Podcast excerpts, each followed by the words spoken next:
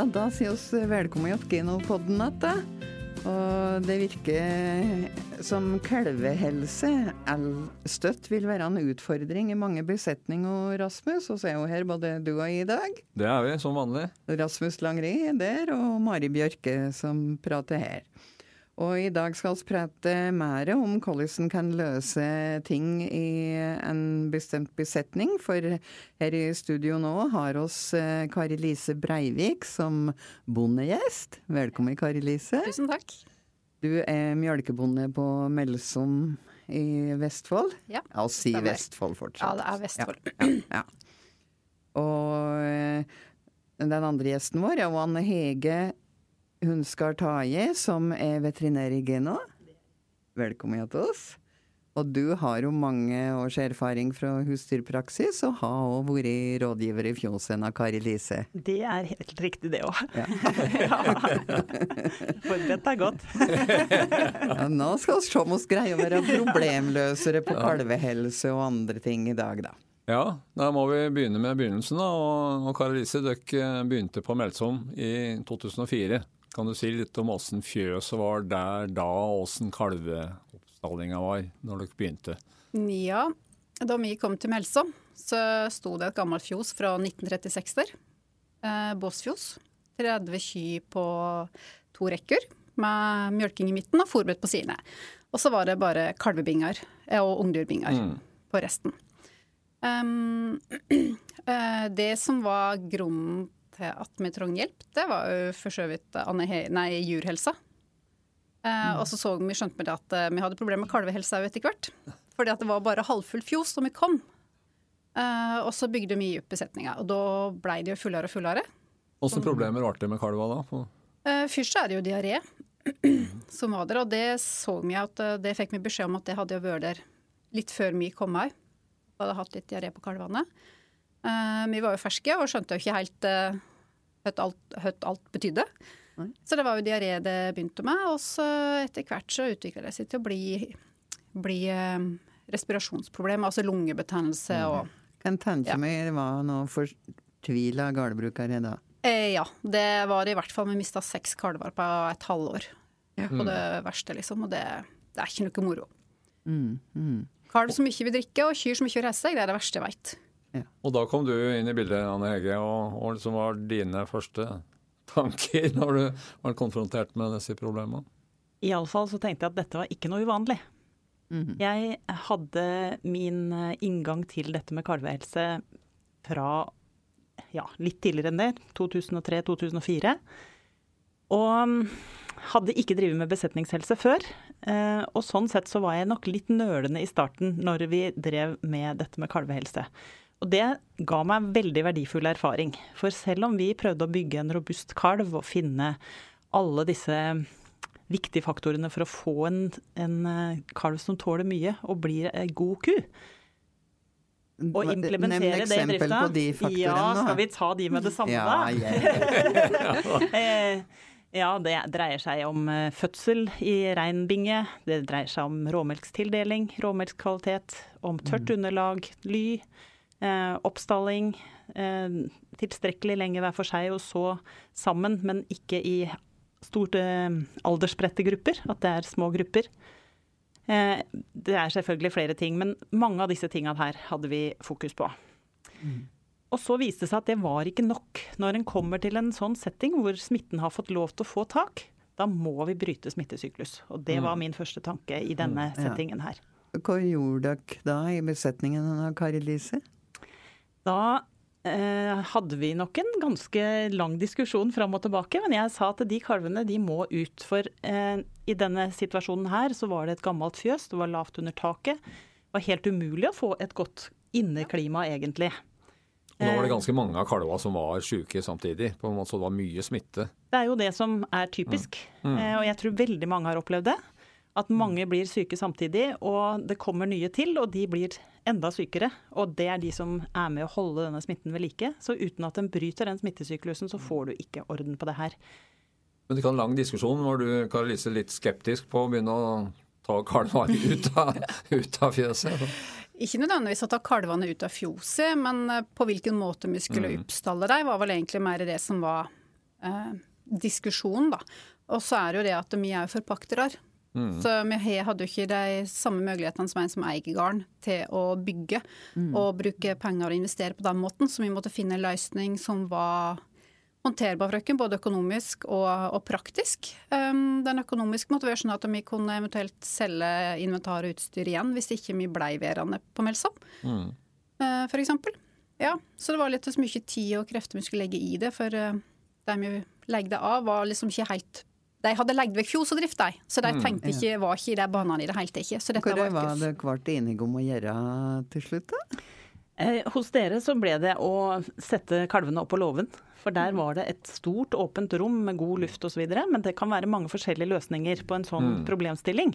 Noen ganger så kan vi jo ta det på den tida av året at vi faktisk kan ta kalvene bare ut og lage en veldig enkel løsning ute for en mm. periode og sette dem inn igjen. Mens andre ganger så ser vi at eh, fjøset er ikke egna for å kunne unngå sykdom og smitte. Mm.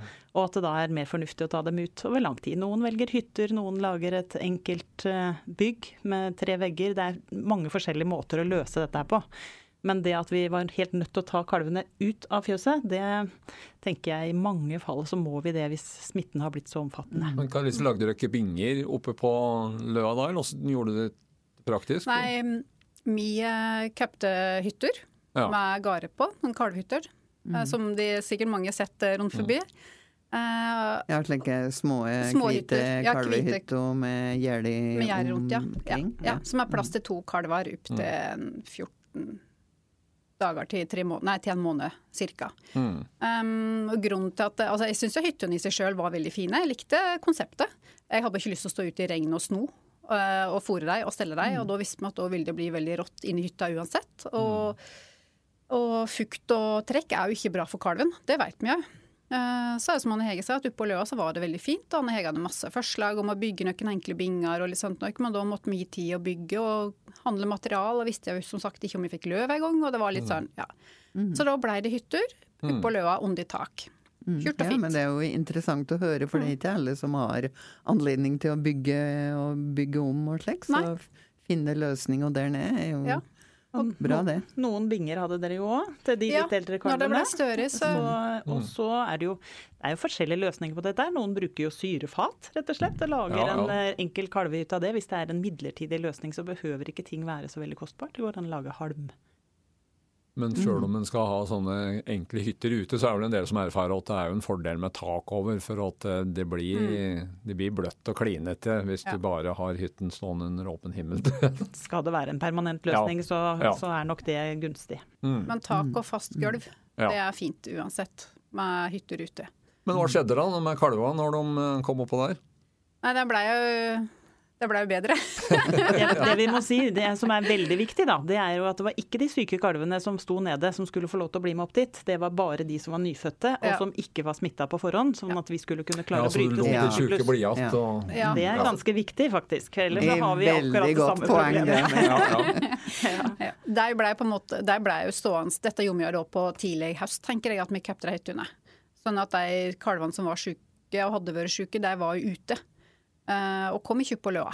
Så det var som du sier, det var de, nye, de nyfødte, ferske kalvene som forhåpentligvis mm. ikke hadde blitt eksponert for den smitta som kom opp. Mm. Så klart, Vi mm. fikk jo litt der oppe, men det var liksom mer enkelttilfelle.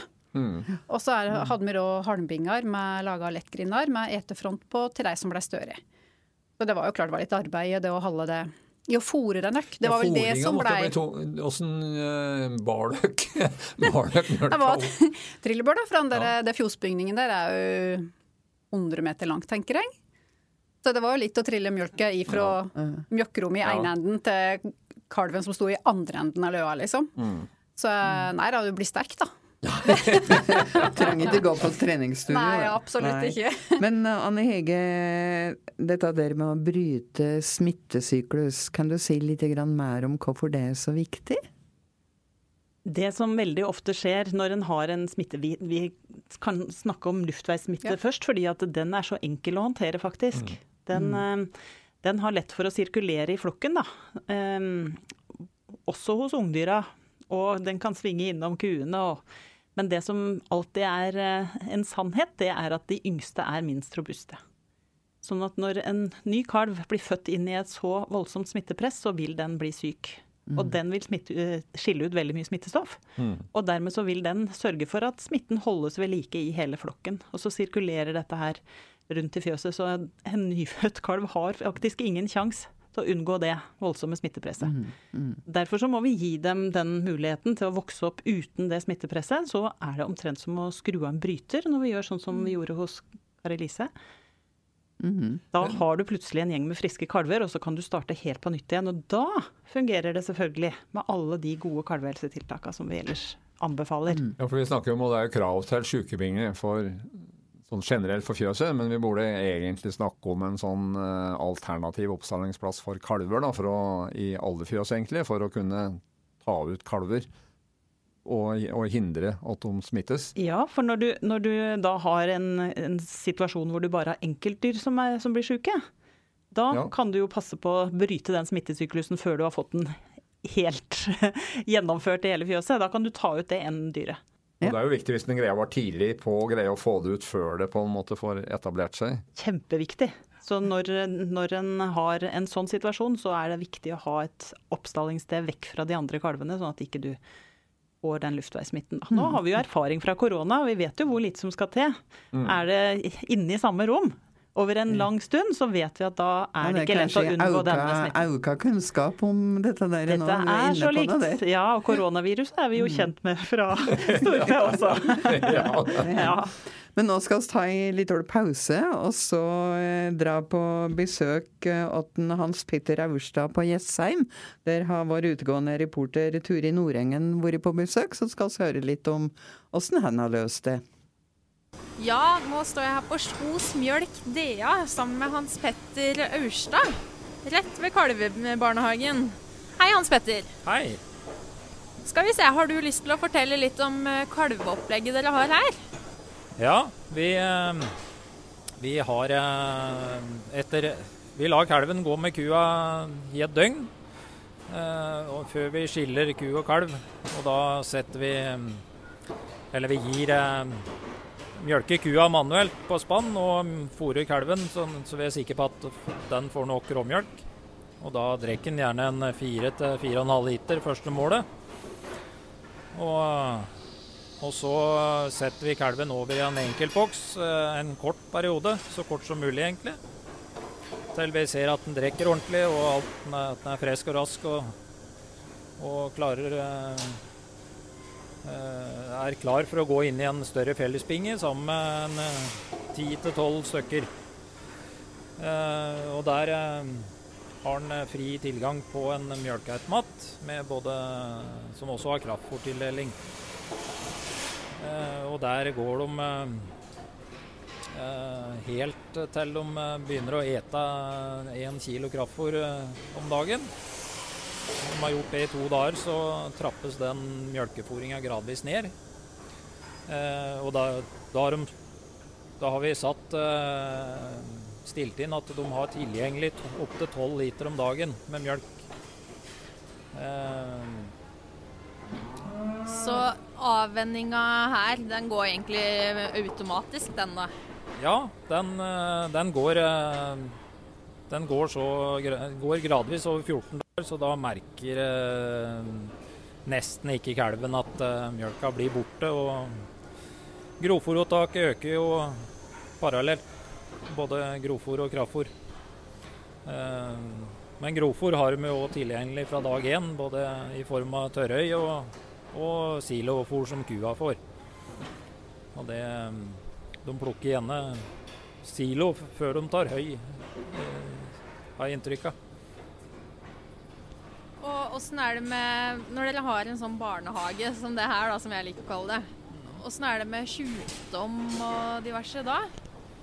Nei, det er eh, Jeg har ikke inntrykk av at det er noe mer enn eh, enn andre, men han skal jo passe seg for uh, Skal jo følge ekstra godt med hvis det er et diaré-tilfelle, og så få den vekk fra resten av gruppa, da. Ellers så har du jo fort det på hele gjengen.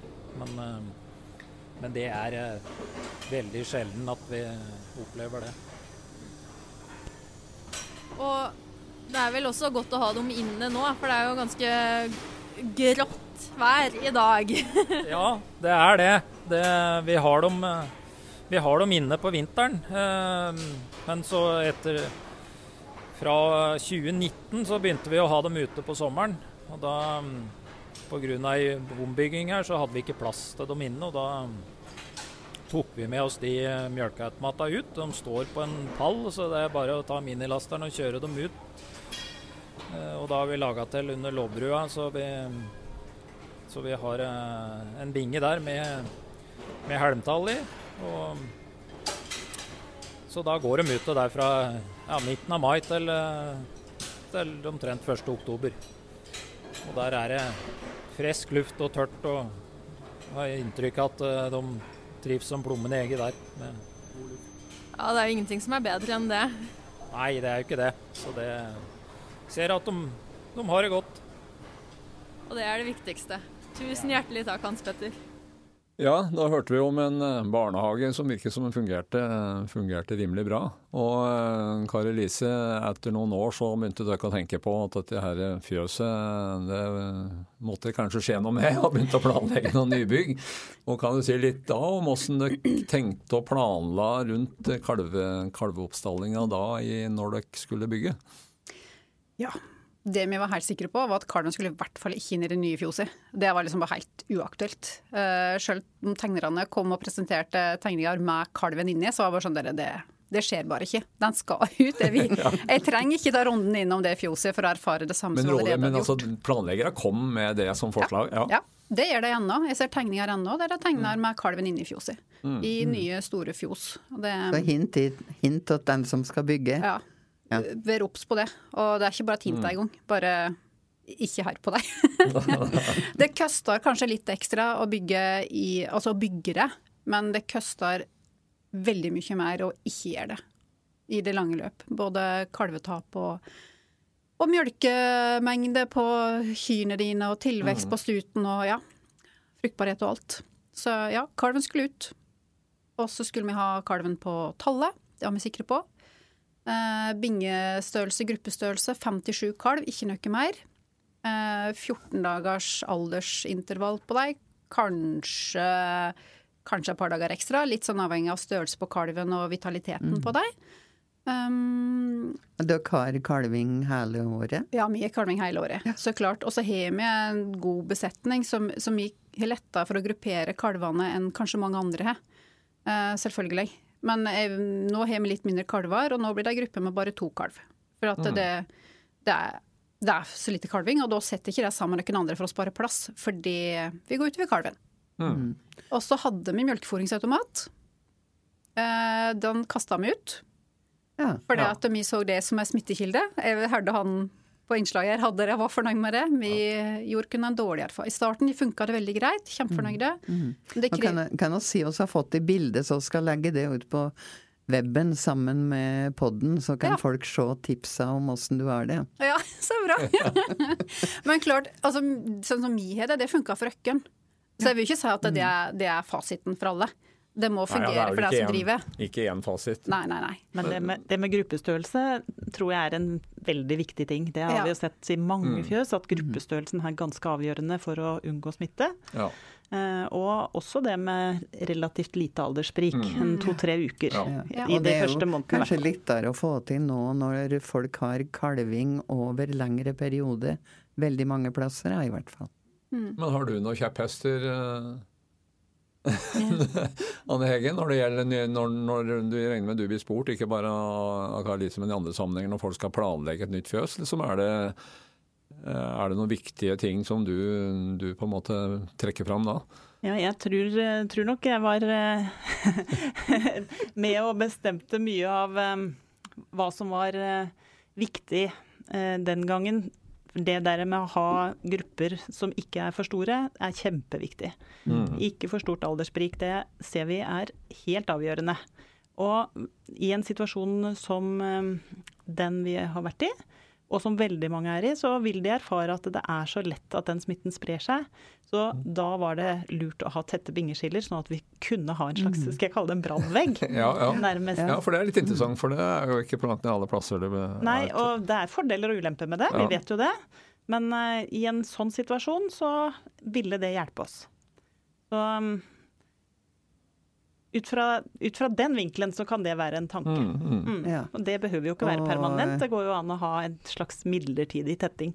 Ja, mm. ja. Og gulv og slik da, i rommet? Dere har sagt litt om rom og lys og luft og Ja, og ly. Ja, og fra ly, det at det mm. ikke er eh, trekk fra underlaget eller kaldt fra underlaget, er mm. veldig viktig.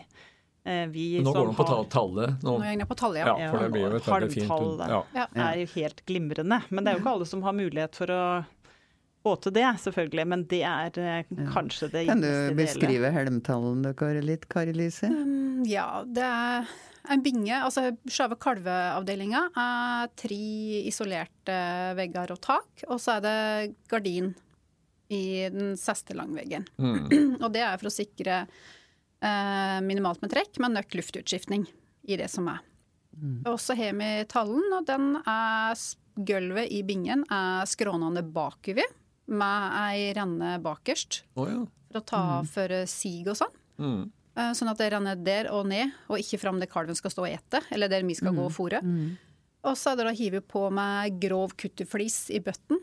Litt fuktig kutteflis, og så er det godt med halm oppå der. Og det strør vi så det, allstøtt, det skal allstøtt være tjort på toppen der. Hvor tjukt lag prater du om det? Oi, um, på det meste der så blir det nok fort en 50-60 cm til slutt, ja. På det tjukkeste. Mm. Inni kalvehyttene, for vi gjør jo det med de yngste i starten, særlig når det er kaldt. Da ligger de hiver sikkert inne en 30-40-50 cm med, med løs halm, så kalven ligger liksom Mm. Han detter ned i halmen. Ja.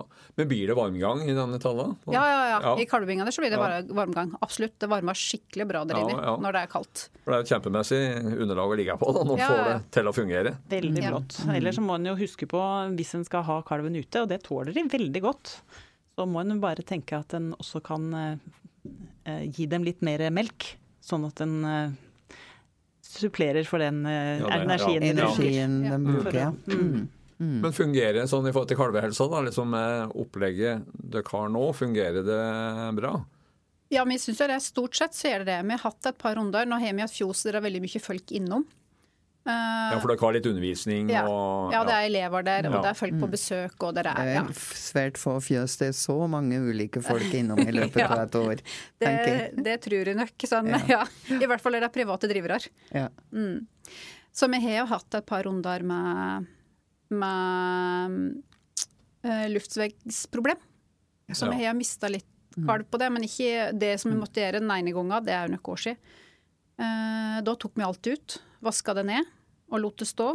Mm. Og så tok vi kun nye kalver inn der igjen og lot de som mm. hadde vært der, de ble stående ute til de var store nok til å inn i mm. Begynne på nytt igjen. Ja. Det er, det er egentlig bare en, eh, et bevis på at du kan ikke slappe av. Nei. Du er helt nødt til å fortsette og må ja. passe på, og du må ta ut syke kalver.